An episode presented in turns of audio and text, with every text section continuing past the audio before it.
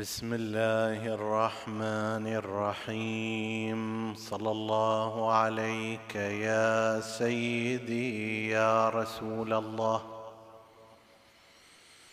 صلى الله عليك وعلى ابن عمك أمير المؤمنين وإمام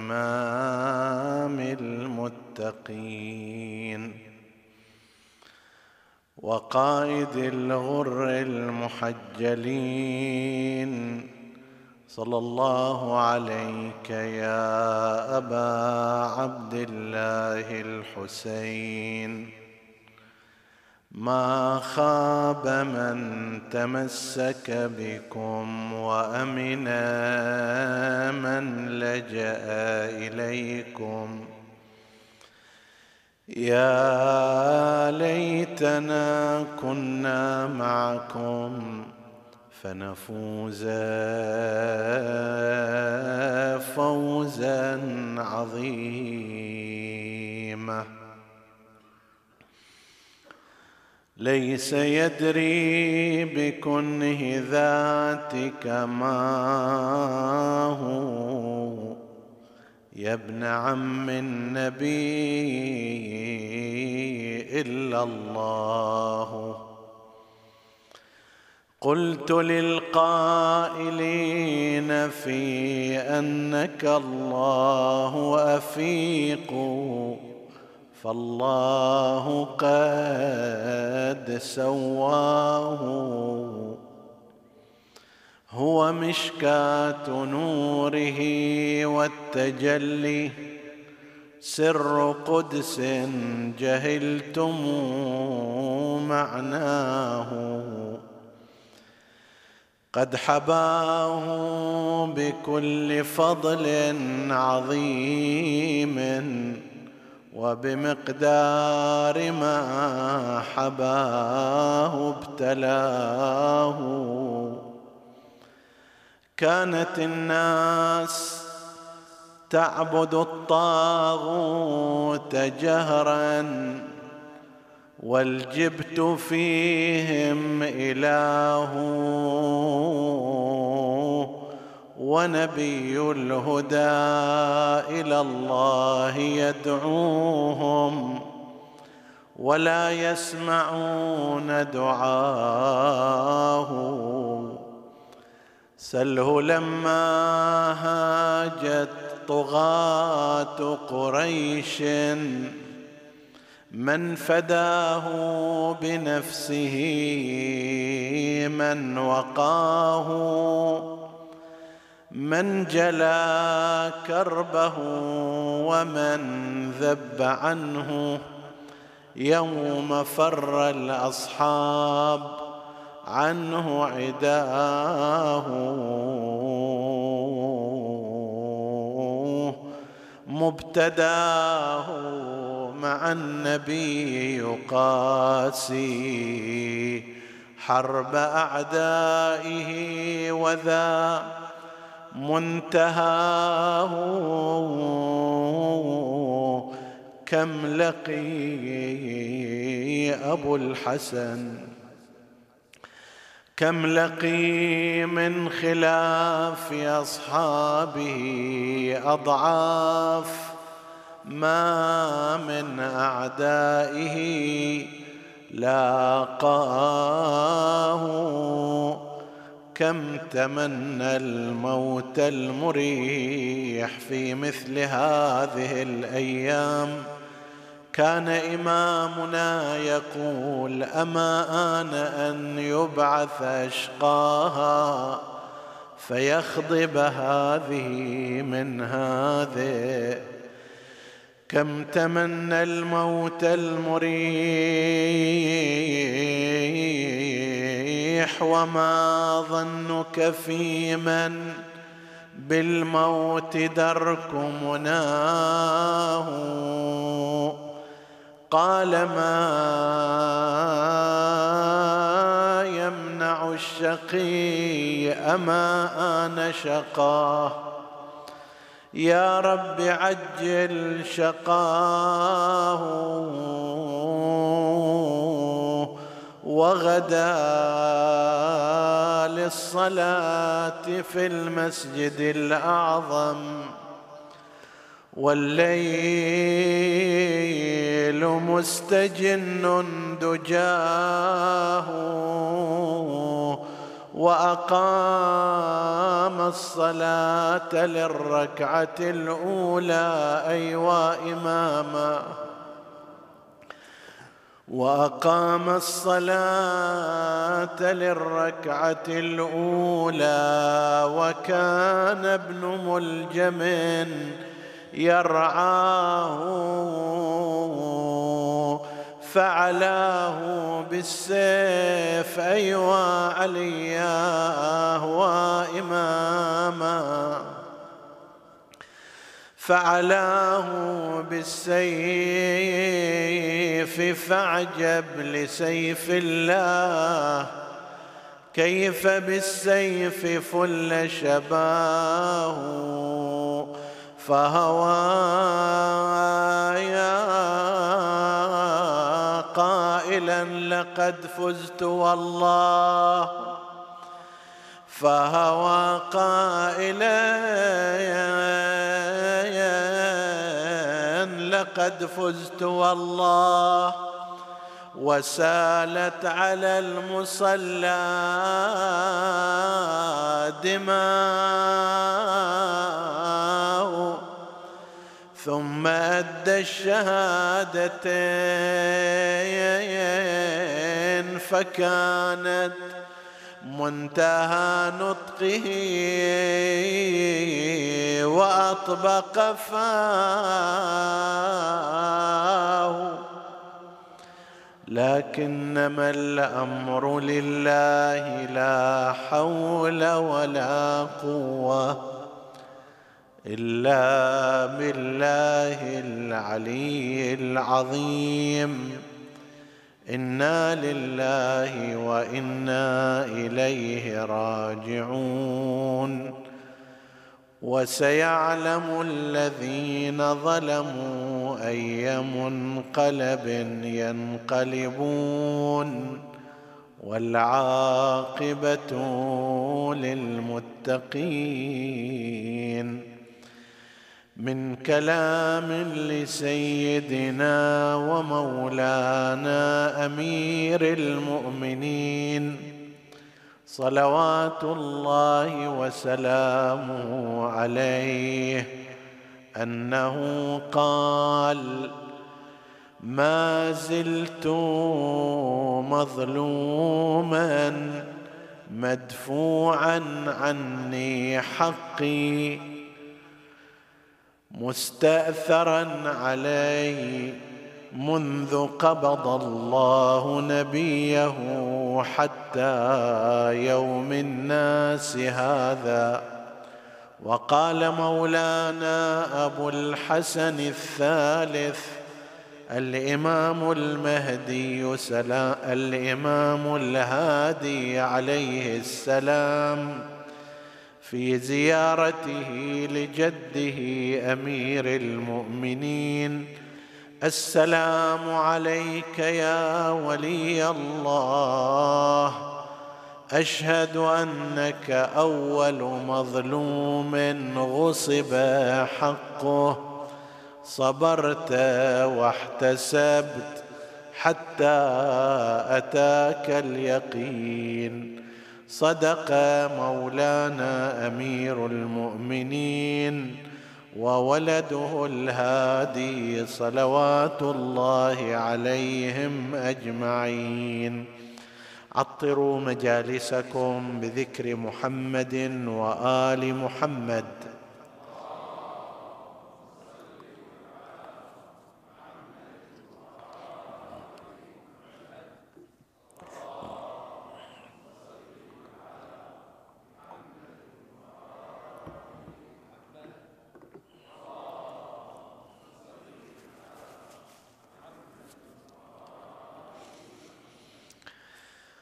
نعزي رسول الله صلى الله عليه وآله والعترة الهادية ومراجع الدين وعامة المؤمنين بهذه المناسبة الأليمة في ليلة جرح وضرب سيد الوصيين أمير المؤمنين علي بن أبي طالب صلوات الله وسلامه عليه ونسأل الله الذي جعلنا من شيعته في الدنيا أن يرزقنا مرافقته في الآخرة إنه على كل شيء قدير. حديثنا في هذه الليلة يتناول مظلومية أمير المؤمنين عليه السلام قديما وحديثا. أول ما نشير إليه هو ما قد يتردد عند قسم من الناس من من هم على غير مدرسة أهل البيت عليهم عليهم السلام عندما يقولون لماذا تتحدثون عن هذه القضايا؟ تلك أمة قد خلت لها ما كسبت ولكم ما كسبتم ولا تسألون عما كانوا يفعلون. لماذا تجددون هذا الكلام؟ في كل سنة وفي كل فترة ما هي الفائدة المترتبة على ذلك؟ عندنا من القضايا المعاصرة ما يكفينا للاهتمام به فضلا عن أن نذهب لنقول فلان في الماضي فعل وفلان ترك وفلان أصاب وفلان أخطأ. فلماذا لا تتركون هذه الأمور؟ الجواب على ذلك بطريقين. الطريق الأول نسميه ويسميه العلماء بالجواب النقضي وحاصله أن الاعتراض لا ينبغي أن يوجه إلينا وإنما ينبغي أن يوجه إلى القرآن الكريم. ذلك أن القرآن الكريم ربما يتحدث في ثلث آياته عن نفس هذه القضايا. ما الذي جرى بين نوح وقومه؟ ماذا قالوا له؟ وماذا قال لهم وماذا رد عليهم وماذا احتجوا عليه وإبراهيم وقومه ولوط والقرية التي كانت تعمل الخبائث وموسى وبني إسرائيل وعيسى وقومه ونبينا صلى الله عليه وآله وقريش ربما ثلث القرآن في هذه الأمور لماذا ننشغل بها؟ لماذا يتحدث القرآن عنها؟ ونحن في كل شهر من شهور السنة وخصوصا شهر رمضان نقرأ نفس الكلام ونفس الحديث. ما الذي يهمنا منها؟ تلك أمة قد خلت لها ما كسبت ولكم ما كسبتم. ليش القرآن الكريم يصر على جلب هذه القضايا باستمرار وبتأكيد امو قصه واحدة نفس القصة يكررها بأساليب ربما ست سبع مرات في آيات مختلفة. لماذا نفس الكلام؟ تلك أمة قد خلت لها ما كسبت ولكم ما كسبتم لماذا تشغلنا بها؟ هذه من الكلمات التي ينطبق عليها كلمة حق يراد بها باطل. مع أن القرآن الكريم يقول تلك عن تلك الأمم تلك أمة قد خلت إلا أنه مع ذلك يأتي بها لتبيان موضع العظة والعبرة وأن لا تسقط الأمم مرة أخرى فيما سقطت فيه تلك الأمم. الكلام نفس الكلام. ما جرى في أوائل هذه الأمة من مخالفات لسنة رسول الله للشريعة ظلامات حصلت من الممكن أن تتكرر وأن تقع فيها الأمة. لذلك تحتاج الأمة دائما إلى أن تكون حذرة الا تكون بمثل هذه الصورة. فهذا اولا.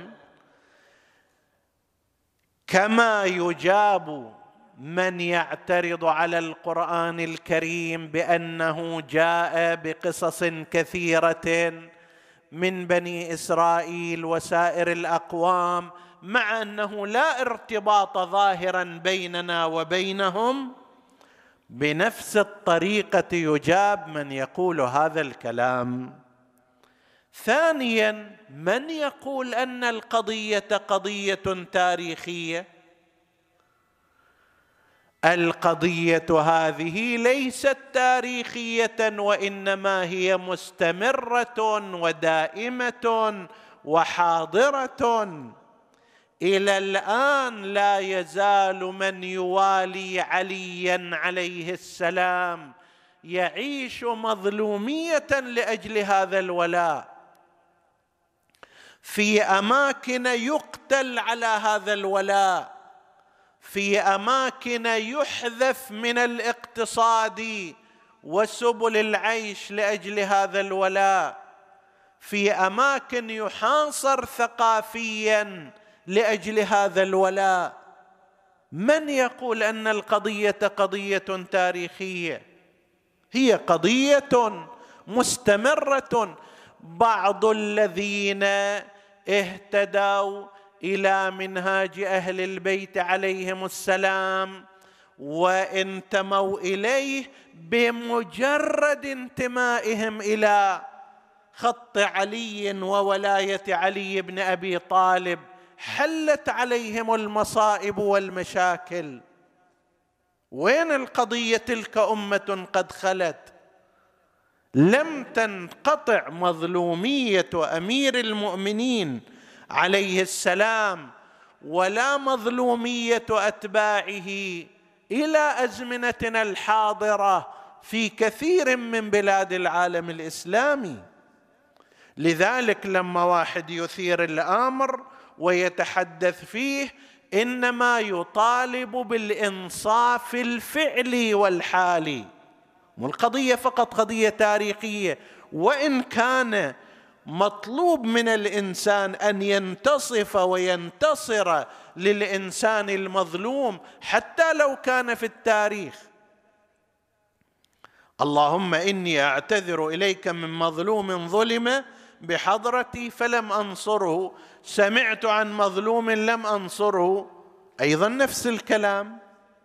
فالقضية اذا قضية حاضرة دائمة معاشة مستمرة ليست قضية تاريخية خلت وانتهت. فهذا الكلام الذي إنما يشهر عادة في وجه إحياء الذكرى لأهل البيت عليهم السلام في وجه انتقاد ظلمتهم.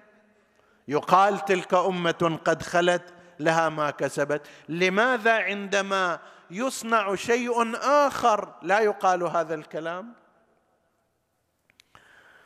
فهذا أول إجابة على سؤال المدخل لحديثنا هذا. وأما عن مظلومية الإمام أمير المؤمنين عليه السلام التي تحدث فيها هو نفسه وهو الصادق وتحدث فيها أيضا أبناؤه وأقرها التاريخ فهي متعددة وذات عناوين كثيرة. لو أردنا أن نتطرق إليها بالكامل ما وسعنا الوقت ولكن نأخذ عناوين سريعة منها. العنوان الأول مظلومية الإمام بتأخيره عن حقه في الخلافة. الإمام أمير المؤمنين عليه السلام على غير رأي الإمامية مؤهل من كل الجهات أعلمكم أقضاكم أشجعكم إلى آخره. حتى أن في مدرسة الخلفاء اتجاه رسمي يقول إن عليا أفضل من كل الصحابة لكن بناء على رأيهم يقولون لا مانع من تقديم المفضول على الفاضل. يصير أن واحد أقل علم نقدمه على الأكثر علم. هذا بناء على مسلكهم وهو مسلك في رأينا خاطئ. لكن هذا موجود أن عليا عليه السلام كان حائزا على كل الصفات والملكات المؤهله له كأمر بشري. عندنا الإمامية لا الأمر مو هكذا فقط وإنما هو أمر إلهي ونص شرعي وأحاديث نبوية بلغت المئات في مختلف المواقع في تعدد السنوات من يوم الإنذار وعمر علي عليه السلام عشر أو احد عشر سنة إلى أن توفي رسول الله صلى الله عليه وآله يعني خلال ثلاثة وعشرين سنة ورسول الله يتحدث في هذا الأمر. وإذا بالأمور جرت بحيث بحيث أبعد أمير المؤمنين عليه السلام عن قيادة الناس وخلافة النبي صلى الله عليه وآله. طبعا هذا شيء يعتبر آه، مخالفا للإنصاف. غير عادل مسببا للألم. أمير المؤمنين عليه السلام يتكلم عن هذا الكلام بعد خمسة وعشرين سنة وأنت تجد عنده الألم في هذا الشيء. فيقول وطفقت أرتئي في الخطبة الشقشقية وطفقت أرتئي بين أن أصول بيد جذاء أو يعني مقطوعة أو أصبر على طخية عمياء القيادة ما مدى تمشي بشكل صحيح.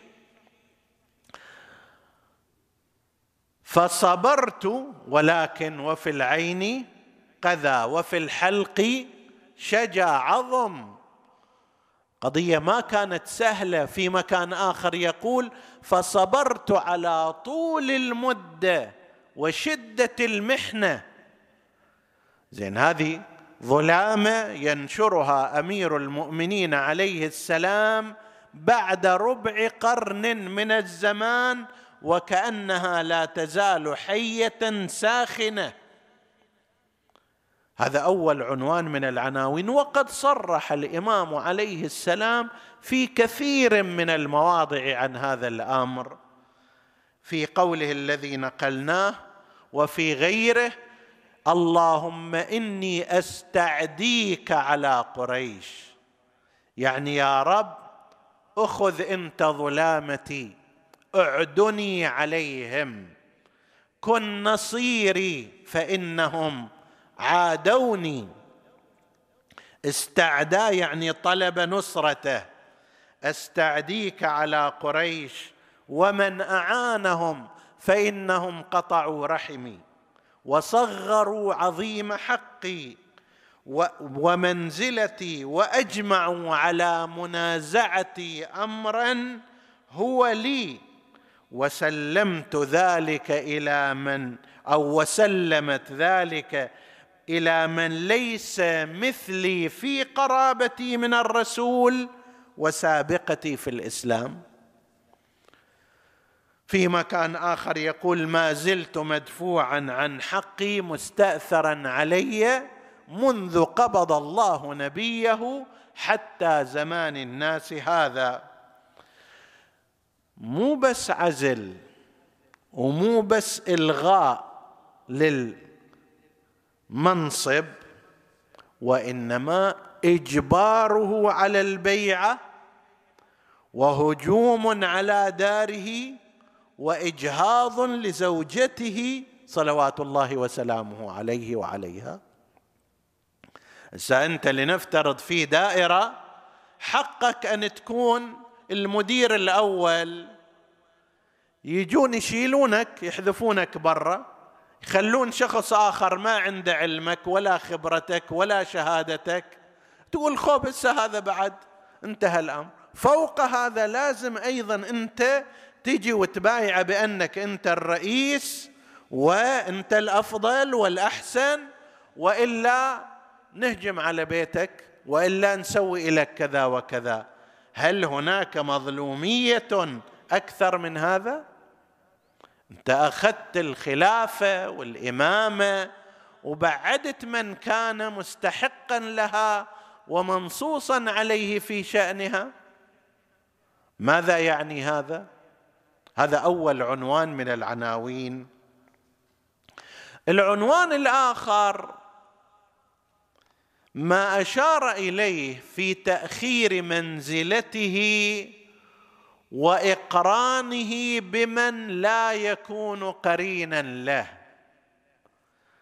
أمير المؤمنين عليه السلام كما نعتقد وكما هو الواقع هو أفضل الخلق بعد رسول الله محمد.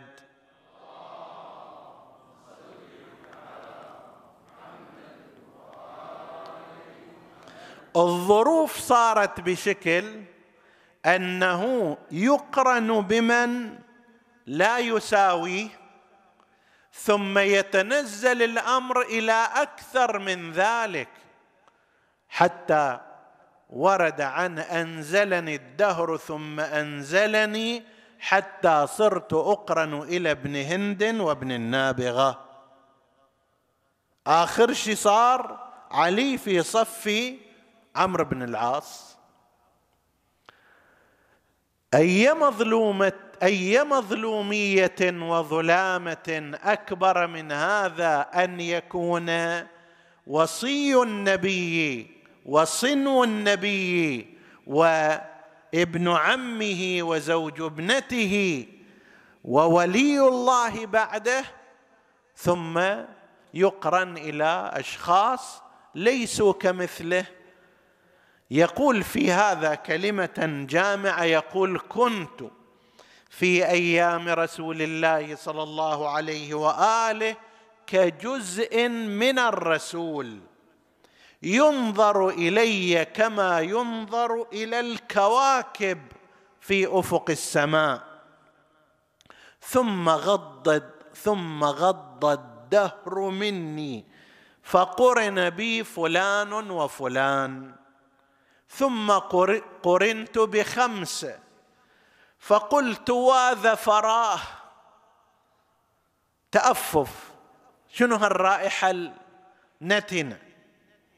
ثم لم يرضى الدهر دهر لي بذلك حتى أرذلني فصرت نظيرا لابن هند وابن النابغة يعني عمرو بن العاص. هذا آخر الأمر. علي بن أبي طالب يوقف هنا مع هؤلاء وهو أفضل الخلق بعد رسول الله صلى الله عليه وآله. هذا من مظاهر هذه المظلومية مناقبه فضائله ميزاته التي أخبر عنها رسول الله صلى الله عليه وآله. في مئات الأحاديث ذكرنا في ليلة مضت شيئا عن كتاب النسائي خصائص أمير المؤمنين علي عليه السلام والنسائي من أئمة الحديث الأثبات ومقبول الرواية عند الفريقين.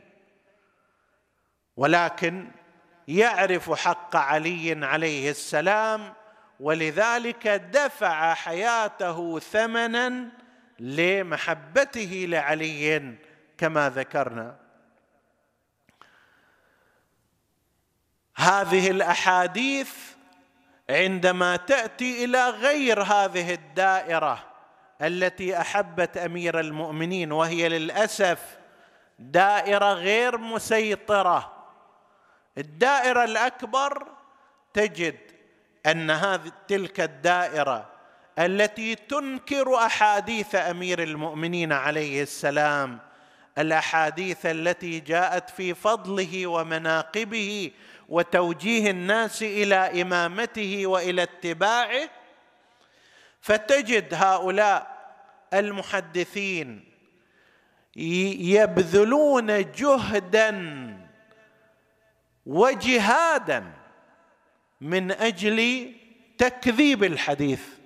قدر الإمكان لازم هذا الحديث نطلع فيه عيب نطلع فيه مشكلة لكي لا يثبت.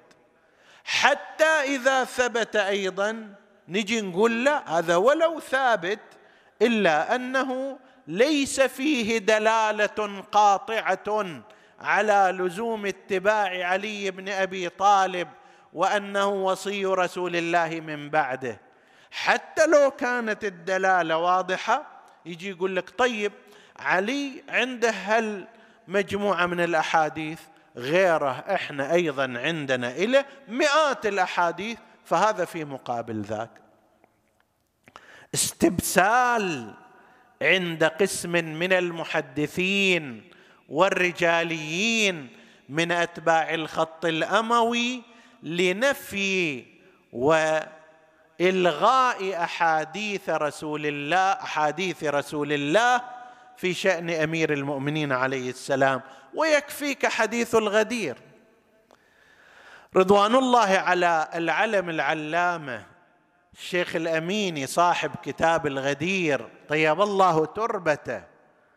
هذا الرجل عمل ما لم يعمله غيره في البحث عن أسانيد الغدير فاستخرج من الصحابة مئة عشرة من صحابة رسول الله ممن رووا هذا الحديث. مو واحد ولا اثنين ولا عشرة ولا عشرين مئة وعشرة أشخاص من صحابة رسول الله رووا هذا الحديث. من التابعين الطبقة اللي بعدهم حوالي خمسة وثمانين من التابعين. المؤلفون الذين ألفوا في كتب خاصة حول الغدير من المدرستين في مختلف العصور. أحصى ثمانية وعشرين كتابا بعضها من أئمة الحديث والتاريخ مثل الطبري عنده كتاب خاص مفصل. ومتقن في حديث الغدير سندا ودلالة ومعاني.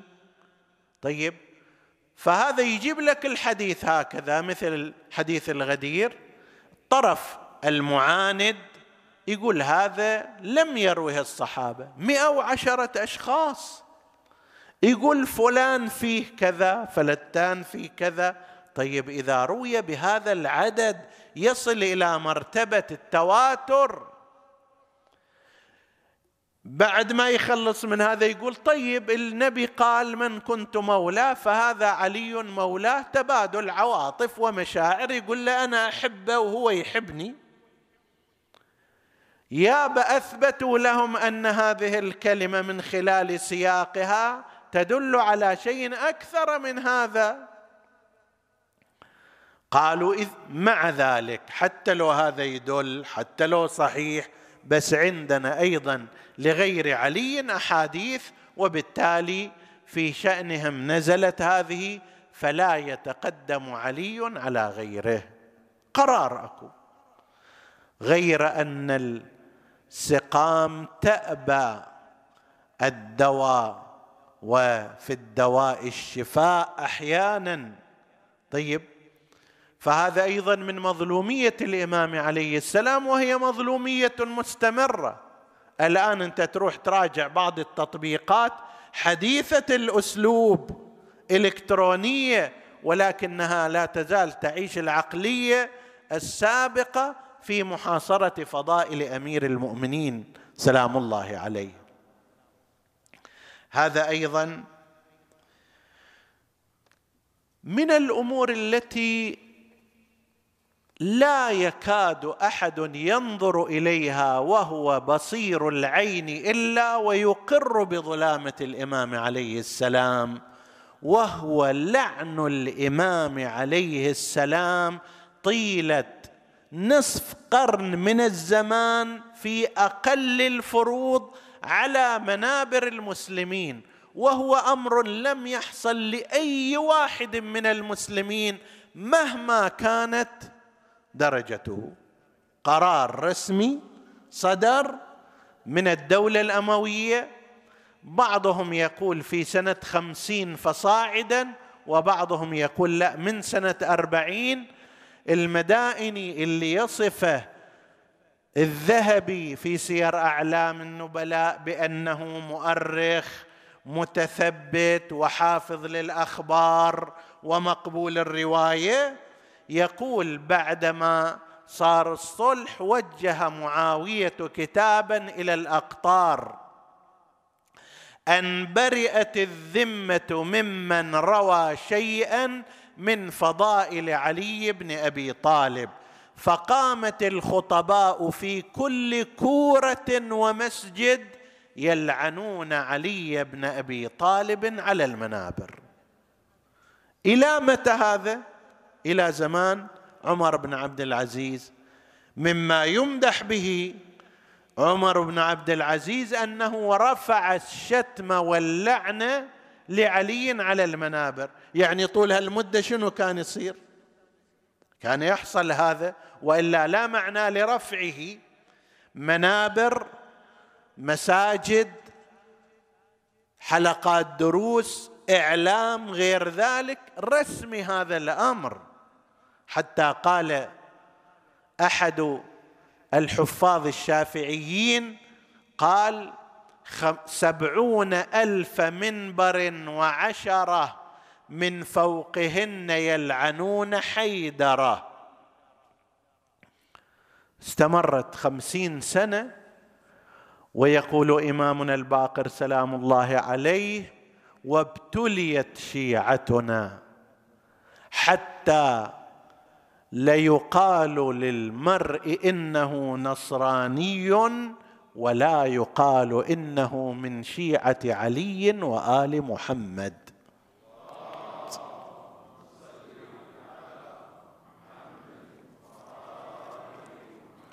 من من المسلمين لعن بقرار رسمي على آلاف المنابر مدة سبعين مدة خمسين سنة.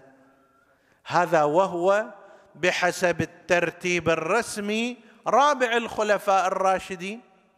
بحسب الترتيب الرسمي من أصحاب رسول الله إذا واحد آخر من أصحاب رسول الله انتقد عمله شيء من الانتقاد تحمر الأنوف و تعتلي الأصوات والألسنة كيف يتكلم على هذا وذاك؟ طيب علي بن أبي طالب خمسون سنة يلعن لعنا يشتم شتما في كل جمعة في كل منطقة.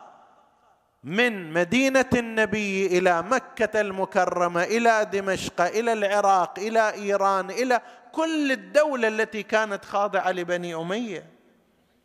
فلم يتمر يتمعر وجه هؤلاء انتصارا لأمير المؤمنين أو يقف أحدهم فيقول لا لا تفعلوا ذلك. ويبقى سنة إلى زمان عمر بن عبد العزيز.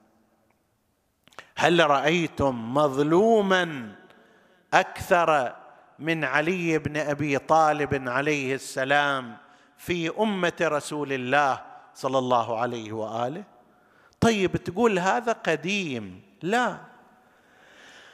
نفس الخط راح وراء شيعة علي بن أبي طالب أي راوي يقول إن علي بن أبي طالب أفضل من غيره؟ خلص هذا لا يصدق ولا يقبل كلامه. هذا مثبت وموجود في الكتب. ولولا يطول بنا المقام لذكرنا لكم شيئا كثيرا من ذلك.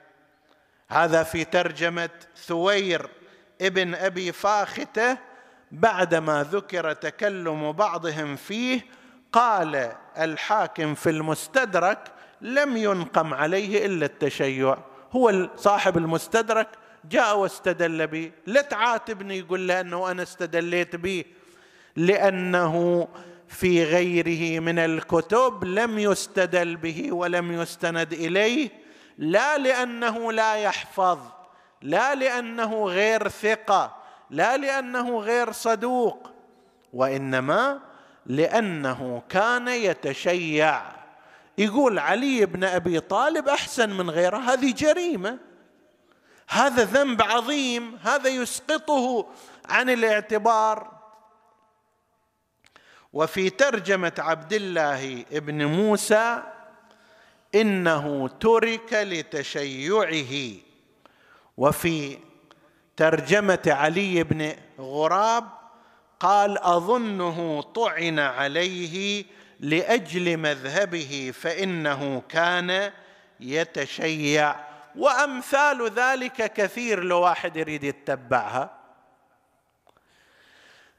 صار عندهم حتى تفصيل هؤلاء. ممكن نتعرض إلى في الحديث عن سنة النبي أنه إذا كان بس يميل إلى علي بن أبي طالب هذا يتشيع.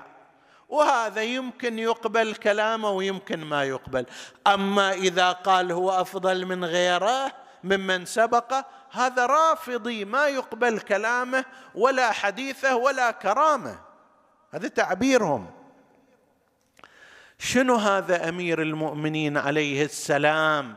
اللي صار مثل الجرباء والعياذ بالله إذا واحد يقترب منه يتمرض عند هؤلاء يجرح عند هؤلاء تصير عنده مشكلة. في الأمة وفي الوسط العام. هذه من مظلومية أمير المؤمنين ومسؤولية المسلمين أن يزيلوا هذه الظلامة إلى متى نحن نجد في حاضر المسلمين وجود أسر وقيد لهم في مواقفهم تجاه أمير المؤمنين. لسنوات مرت سنوات الأمويين والعباسيين وغيرهم من الطائفيين بس هي لا تزال حاكمة على العقلية المسلمة؟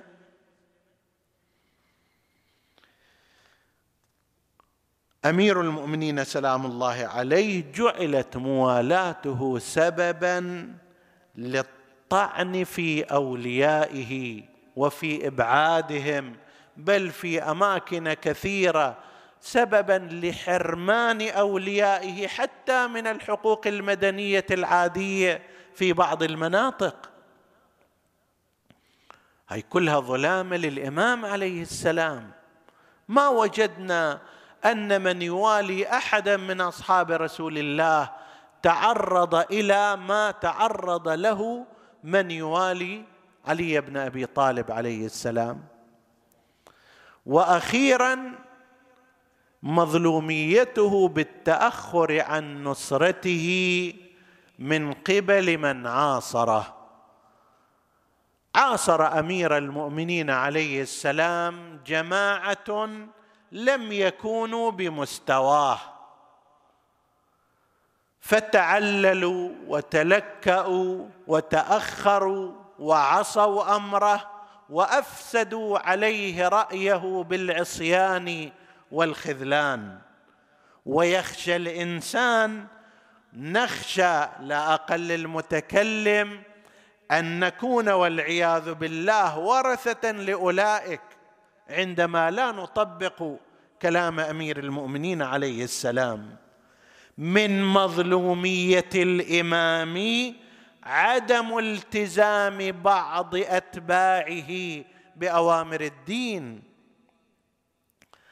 أنا إذا إنسان أقول إنني شيعي موال لأمير المؤمنين عليه السلام ثم لا أواظب على صلاتي ولا أحفظها هذا ظلم كبير لأمير المؤمنين عليه السلام. هذا طعن لقلب الإمام. أنا عندما أكون امرأة مسلمة محبه لعلي بن أبي طالب محسوبه من شيعته ثم لا ألتزم بالحجاب الشرعي والإسلامي. أنا هنا أعادي أمير المؤمنين أفسد عليه أمره أنشر عنه سمعة سيئة. أنا في هذه الحالة رجلا كنت أو امرأة إذا تركت مبادئ علي وأهداف علي عليه السلام فكأنني من أولئك الذين تبرم بهم أمير المؤمنين. يعني لو كان علي بن أبي طالب في زماني أو كنت في زمان علي ورآني على ترك الصلاة أو على ترك الصيام أو المرأة على ترك الحجاب هل كان سيقول لي بارك الله فيك أنا من من تواليه أنا ممن يحبك؟ أو كان يقول لي مللتهم وملوني سئمتهم وسئموني فأبدلني خيرا منهم وأبدلهم بي شرا. للأسف فإن أمير المؤمنين عليه السلام عاش في ظروف ومع جماعة لم يعرفوا حقه الكامل إلا أولئك الخلص ولذلك لم يكن اسفا على فراقهم بل كان متعجلا لذلك. في مثل هذا الشهر المبارك كما ينقل المؤرخون كان بالإضافة إلى خطبه المعروفه يقول يا أشباه الرجال ولا رجال حلوم الأطفال وعقول ربات الحجال لقد ملأتم قلبي قيحا وشحنتم صدري غيظا وأفسدتم علي رأيي بالعصيان والخذلان. طبعا بعض الطائفيين راح يجي يقول إيه هذا يخاطب شيعته. شيعته من؟ شيعته عمار ومقداد وسلمان وأمثال أولئك وإلا من كان يخاطبهم هم عامة الجيش الذين ورثهم من الخلافة التي سبقته. عامة المسلمين لا الشيعه بهذا العنوان. إنما شيعة علي من اتبعه الإمام في ذاك الوقت القائد العام للجيش وجيشه يحتوي حتى على الخوارج. فعندما يخاطب يخاطب هذا الجيش لا يخاطب شيعته الملتزمين بأوامره. وكان يتعجل بأبي وأمي في هذه الأيام. سفره إلى رسول الله وإلى فاطمة الزهراء وإلى أخيه جعفر وعمه حمزة من شهداء أهل البيت صلوات الله وسلامه عليهم. يفكر قليلا ويقول أما آن أن يبعث أشقاها فيخضب هذه لحيته الكريمة من هذه أي شيبته يتعجل ذلك ما كذبت ولا كذبت ولقد وعدني رسول الله بذلك. من أوائل الأيام عندما خطب رسول الله فقال في فضل شهر رمضان سأله أمير المؤمنين فما أفضل الأعمال يا رسول الله فيه؟ ما قال له الذكر ولا قال له العبادة البدنية؟ وإن كانتا مهمتين إلا أنه قال أفضل الأعمال الورع عن محارم الله.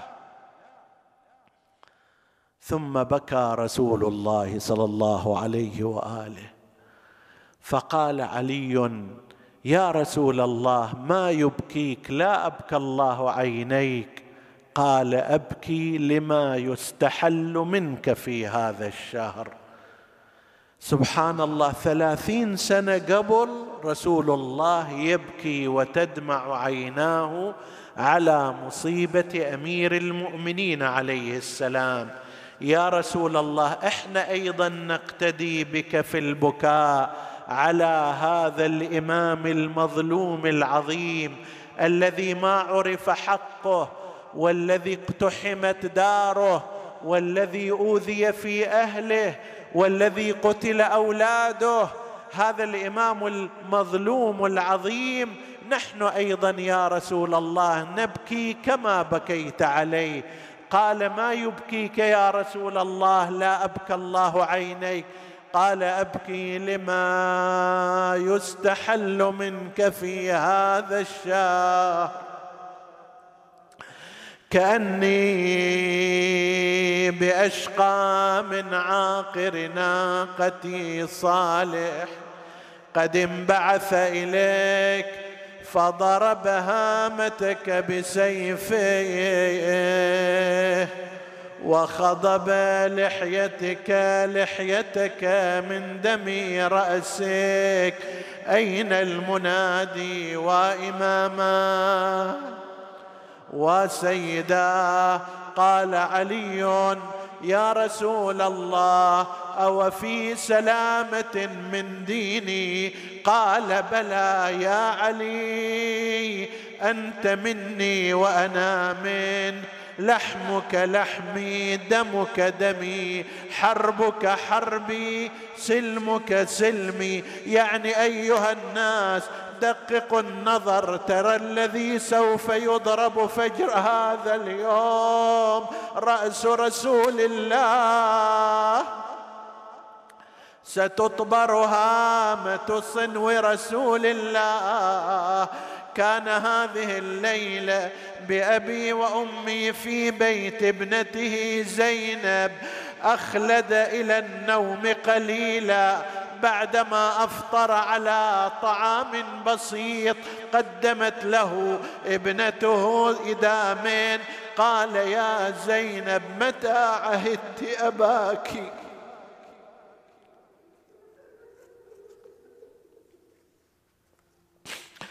متى عهدت أباك يأكل من إدامين؟ أتريدين أن يطول وقوفي على الحساب؟ لا أزال مؤتسيا بأخي وابن عمي رسول الله. فإنه لم يشبع من طعام إلا الأسودين. عظم الله أجوركم. دخل إمامنا لكي يستريح في منامه ويستعد لقيام الليل. قال لابنته أيقظيني لوردي. تقول ابنته ما هي إلا ساعة حتى نهض وهو يقول إنا لله وإنا إليه راجعون. قالت له ابنته ما الذي أراه منك يا أبا؟ قال لها رأيت جدك رسول الله في المنام فشكوت له ما لقيت من أمته. فقال يا علي إنك صائر إلينا بعد ثلاث وهذه فاطمة هذا جعفر هذا حمزة ينتظرون قدومك يا فاطمة. الله الله في علي ترى راح يجي وراسه مشبوك.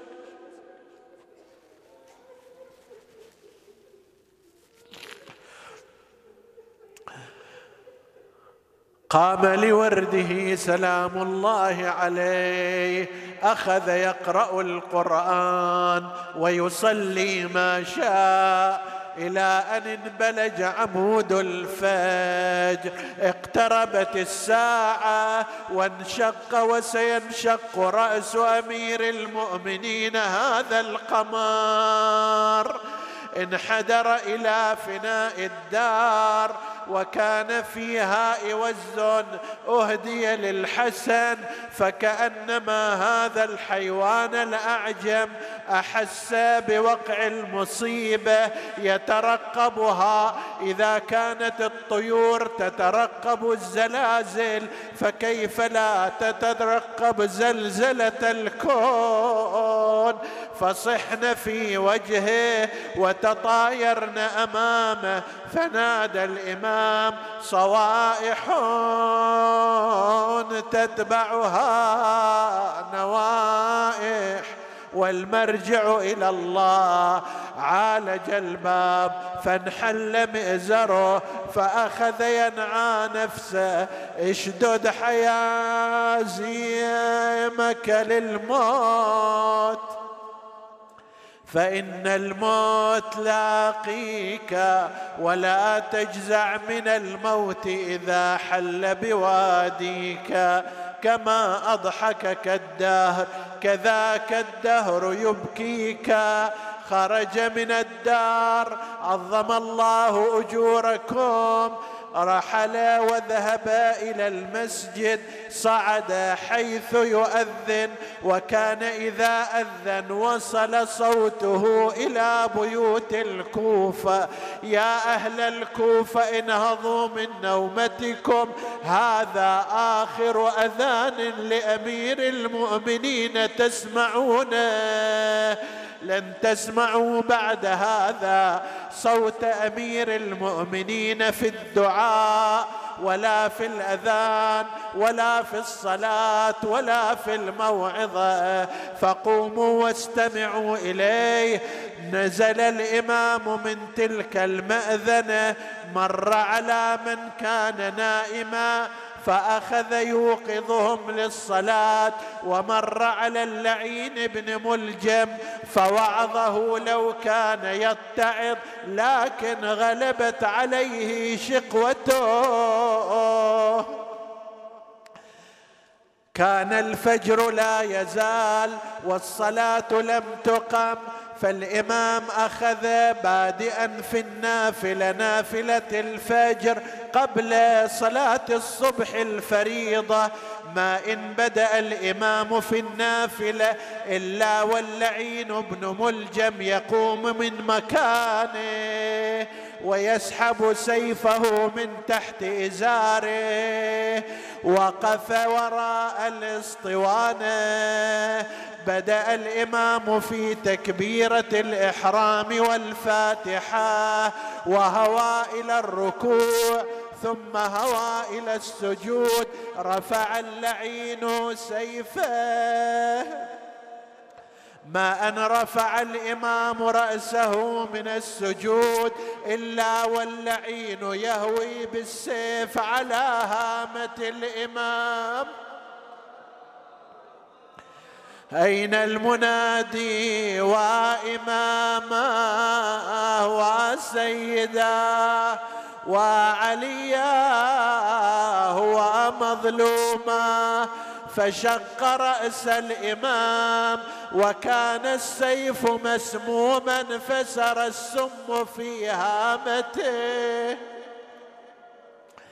شدة الضرب جعلت الإمام يهوي مرة أخرى على محرابه وهو ينزف من الدم نادى فزت ورب الكعبة قتلني ابن اليهودية ألا لا يفوتنكم الرجل؟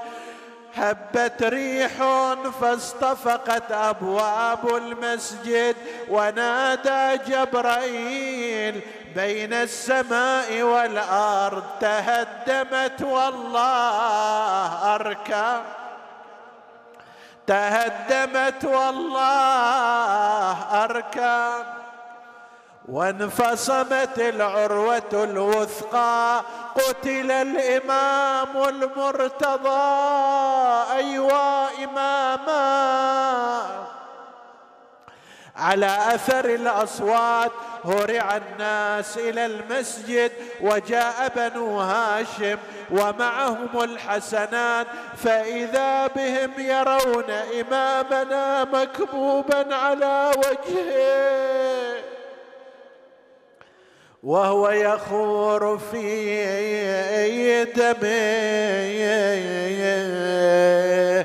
حمله بنو هاشم إلى منزله. لما رأت زينب أنهم قادمون صديت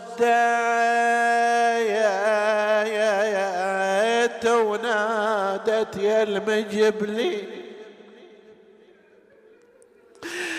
صديت ونادت يا المجبلين هالشايلين وياكم. تو الإمام راح من عندي سالم من هنا. هالشايلين وياكم منين؟ أسمع هطل وصراخ صوبين أنا خوف نجت العود يا طيبي لما سمعها الحسن وحسين صاحوا يا زينب زيد الونين. أبونا انطبر والراس نصين. أفي شهر الصيام فجعتمونا بخير الناس طرا أجمعين نسألك اللهم وندعوك بوليك الأعظم وإمامنا المكرم سيد الوصيين أمير المؤمنين اقضي حوائجنا يا رب العالمين. اغفر لنا ذنوبنا كفر عنا سيئاتنا آمنا في أوطاننا. لا تسلط علينا من لا يخافك ولا يرحمنا ولا تفرق بيننا وبين محمد وآله طرفة عين. احفظ اللهم إخواني السامعين فردا فردا واقض حوائجهم. اشف اللهم مرضاهم لا سيما المرضى المنظورين. اللهم اشفهم بشفائك وداوهم بدوائك وعافهم من بلائك وتقبل اللهم عمل المؤسسين بأحسن القبول إلى أرواح موتاهم ولا سيما المرحوم الحاج علي آل محسن على روحه هذا المجلس وله ثوابه إن شاء الله. إلى روحه وأرواح أسلافه والمؤمنين والسامعين. نهدي للجميع ثواب الفاتحة. تسبقها الصلوات.